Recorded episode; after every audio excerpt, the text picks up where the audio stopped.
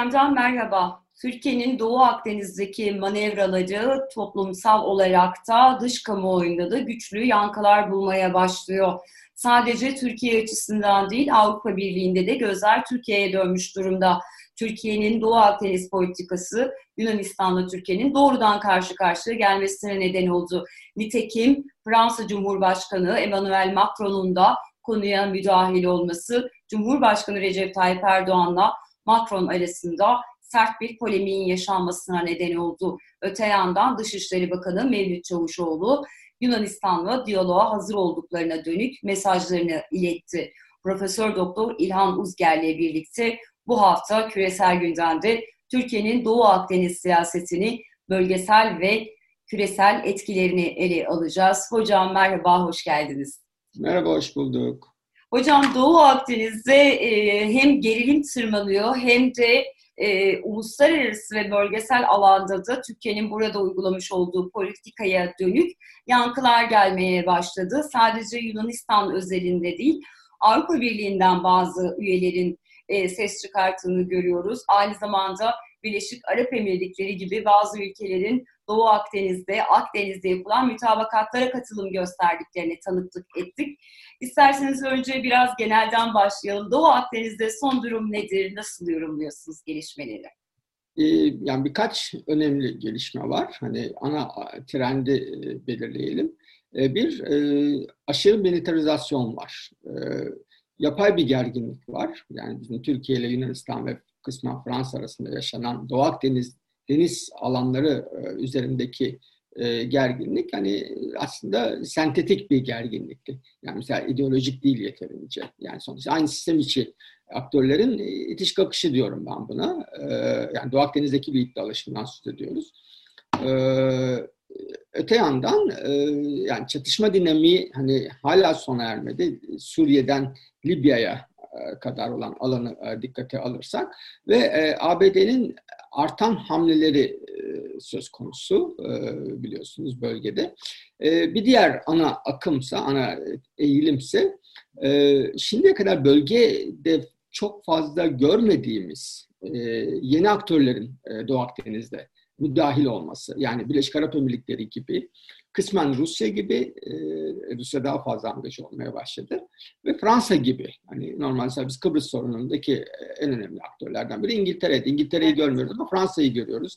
Almanya'yı daha arabulucu konumda görüyoruz. Dolayısıyla e, böyle bir tablo var karşımızda. Hani e, yani bunu yazarak da söyledim. Yani artan militarizasyon genelde dikkat edersen işte Fransa'nın, Yunanistan'ın, Türkiye'nin hatta Mısır'ın e, dolayısıyla bu bir yönüyle NATO'yu zayıflatıyormuş gibi görünse de aslında o güçlendiren bir faktör oldu. Yani bölgede Batı askeri varlığının, Batı sistemi içindeki ülkelerin askeri varlığının artması aslına bakarsan hani e, NATO'nun ve Amerika'nın işine gelen bir şey muhtemelen. Hocam, o yüzden de biraz çok ses çıkarmıyorlar.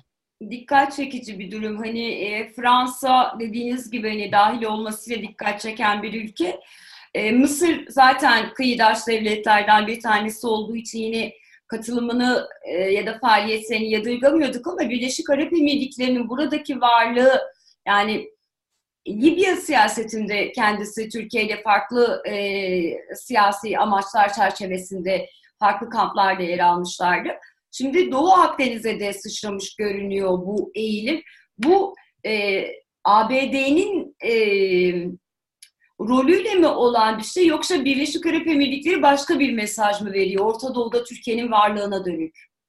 Şöyle söyleyeyim, e, yani Birleşik Arap Emirlikleri'nin orta, pardon Doğu Akdeniz'deki artan e, etkinliği, faaliyetleri, özellikle askeri, stratejik anlamdaki faaliyetleri Amerika'yı rahatsız etmez. Yani e, ya Amerika ile koordine bir şekilde yapıyordur ya da e, Amerika'nın göz yummasıyla yapıyordur. Yani şöyle söyleyeyim, Birleşik Arap Emirlikleri, e, İtalya ve Fransa ile birlikte e, askeri tatbikat yapıyorsa hani bu bu Amerika'yı rahatsız edecek bir şey değil tabii. Yani buraya bir müttefikini daha sokmuş oldu e, Amerika. Evet, yani ee, şey gibi hocam hani denir ya zamanlama manidar diye bir anda evet, Birleşik evet. Arap Emirlikleri'nin de Akdeniz'de boy göstermesi ister istemez akılda böyle bir şeye neden oluyor. Yankıya zamanlaması manidar diye.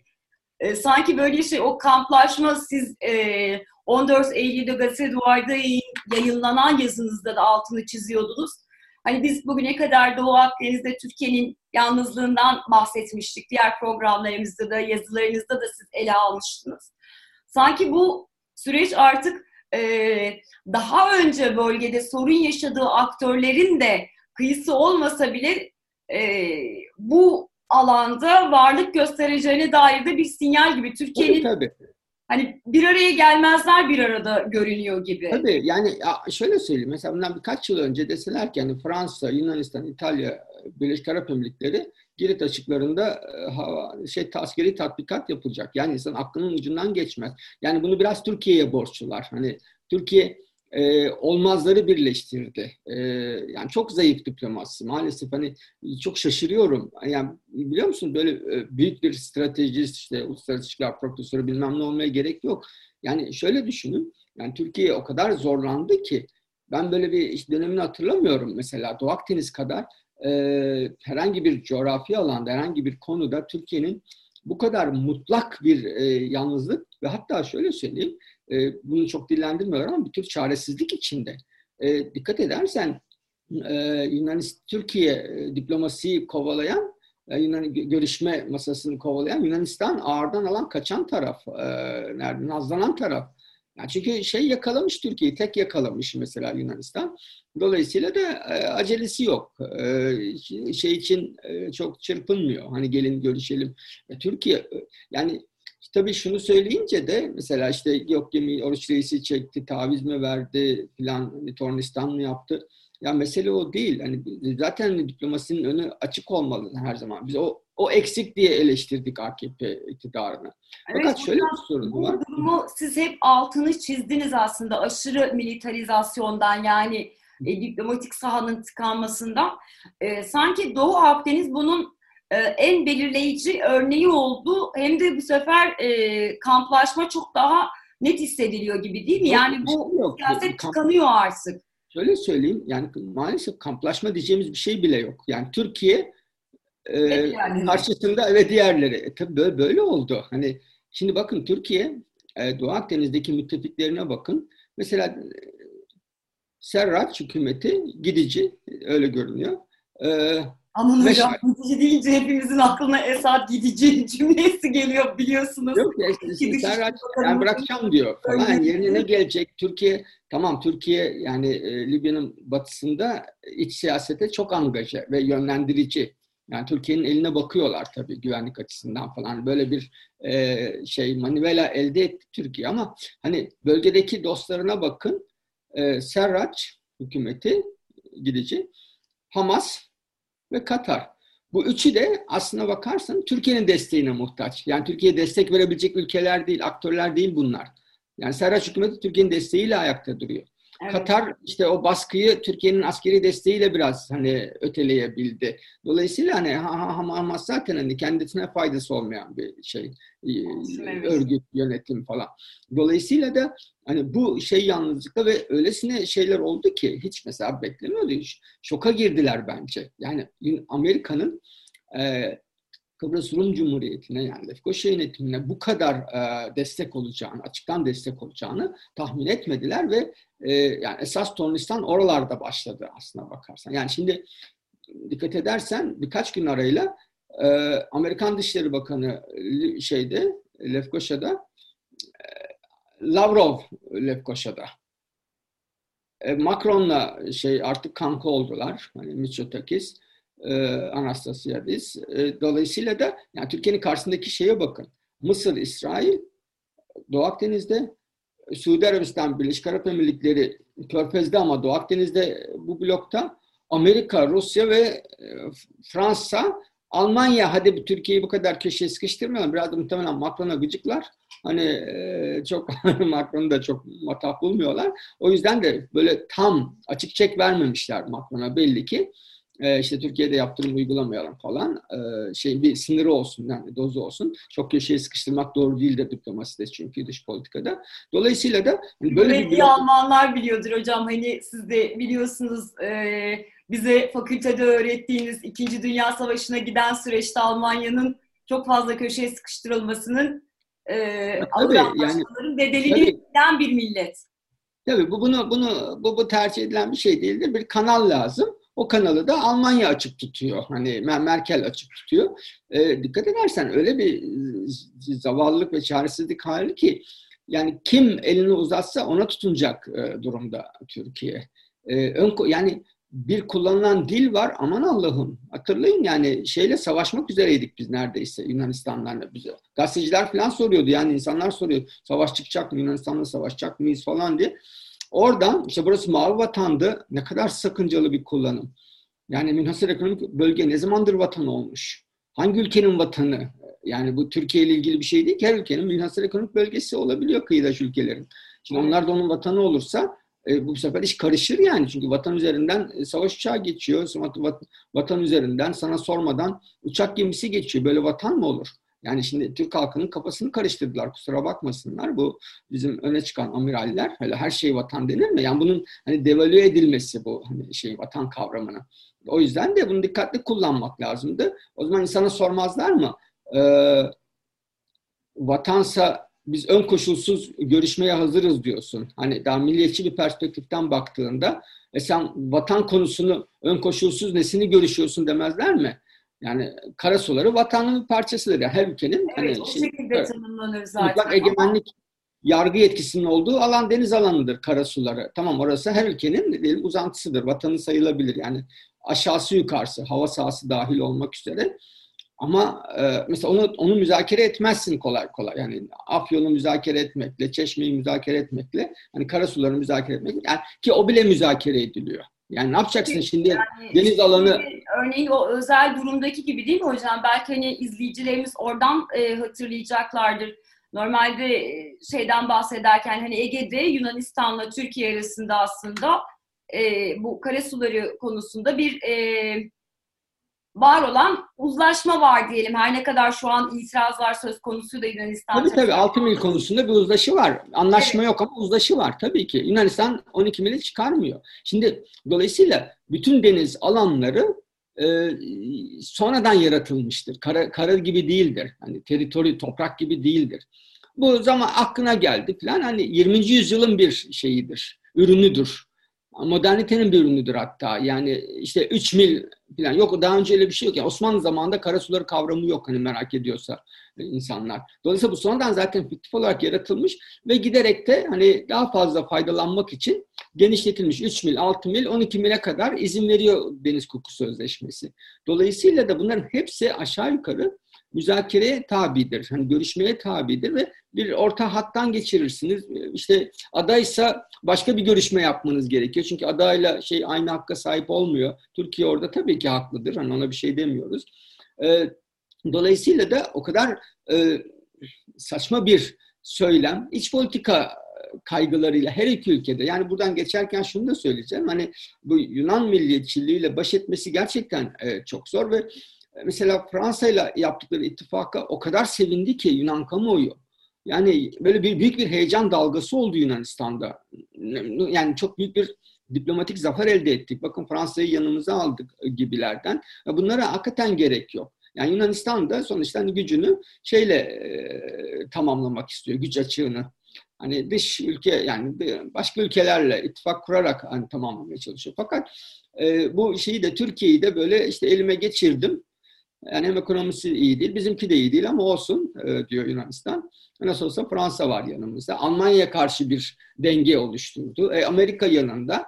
E, bu, bu iyi bir siyaset değil yani. Mesela bunların hepsini e, bir tarafa e, itmiş olmak. Biz şunu demiyoruz yani emperyalizmle anlaşsın falan demiyoruz. Ama hani diplomasi için bir alan vardı. O alanı her seferinde kaybetti ve e, söyledik Mısır'la anlaşabilirsin. Yani dengeyi bozarken yerine bir şey koymalısın. AKP'nin hem iç politikada hem de dış politikada yarattığı en önemli sorun bazı kurumları, bazı yapıları oluşmuş siyaset normlarını e, yıkarken teker teker yerine bir şey koymaması.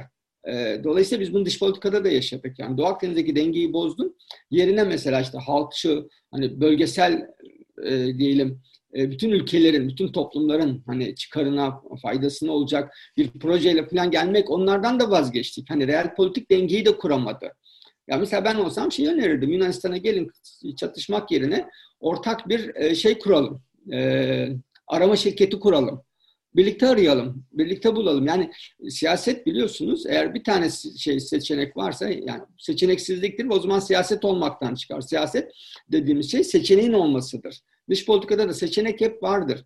Yani Yunan toplumuna daha çok ulaşılabilir, Yunanistan'la daha fazla ortak e, girişim ve e, orta yollar bulunabilir. Bunların hepsi e, şey yani masadaydı. Türkiye şeyi tercih etti. Erdoğan e, amirallerin aklına uydu. Dediler ki bizim hani askeri gücümüz var.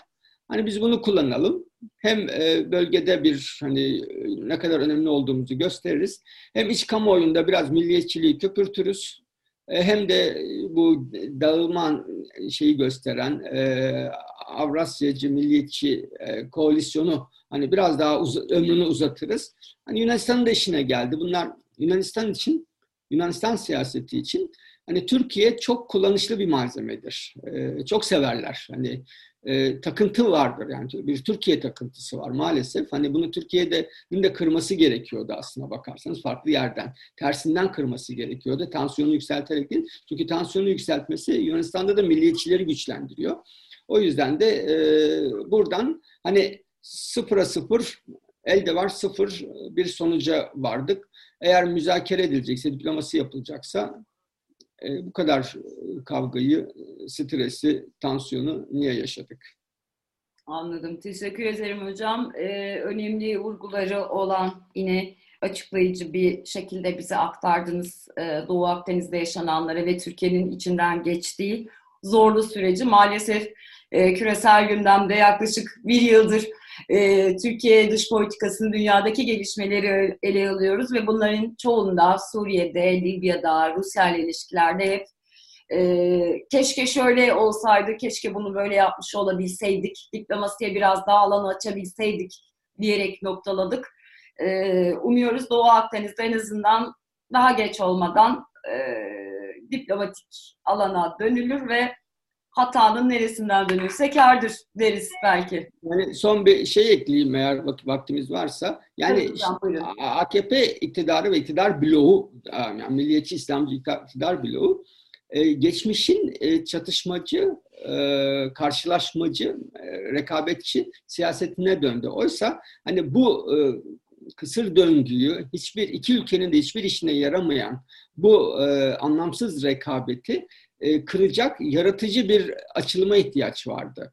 Yani deprem diplomasisi falan istiyor diye Yunanistan özelinde özellikle halklara daha barışçıl bir dille. E, tabii ki yani o yapıl yani dedim mi burada çok marj var. Hani e, Ege adalarından başlayıp ortak e, şeylerden e, sivil toplum inisiyatiflerinden falan başlayıp bu şeyi karşılıklı algılamayı kıracak e, iki toplumu ortadan kesecek, ortaklaştıracak hani projeler, çabalar varken e, yani bu coğrafyanın şeyinden yani zenginlikleri varsa eğer yani olduğundan da çok emin değiliz ama hani olan çünkü daha doğuda belli ki e, yani birlikte faydalanacak e, girişimlere çok ihtiyaç varken Türkiye şeyi tercih etti. Yunanistan da e, çatışma ve e, gerilimi tercih etti. Bu zayıflatıyor iki tarafı da. Yani diğer aktörleri, bölge dışı aktörleri daha çok güçlendiriyor. Bunun farkında olmaları lazım.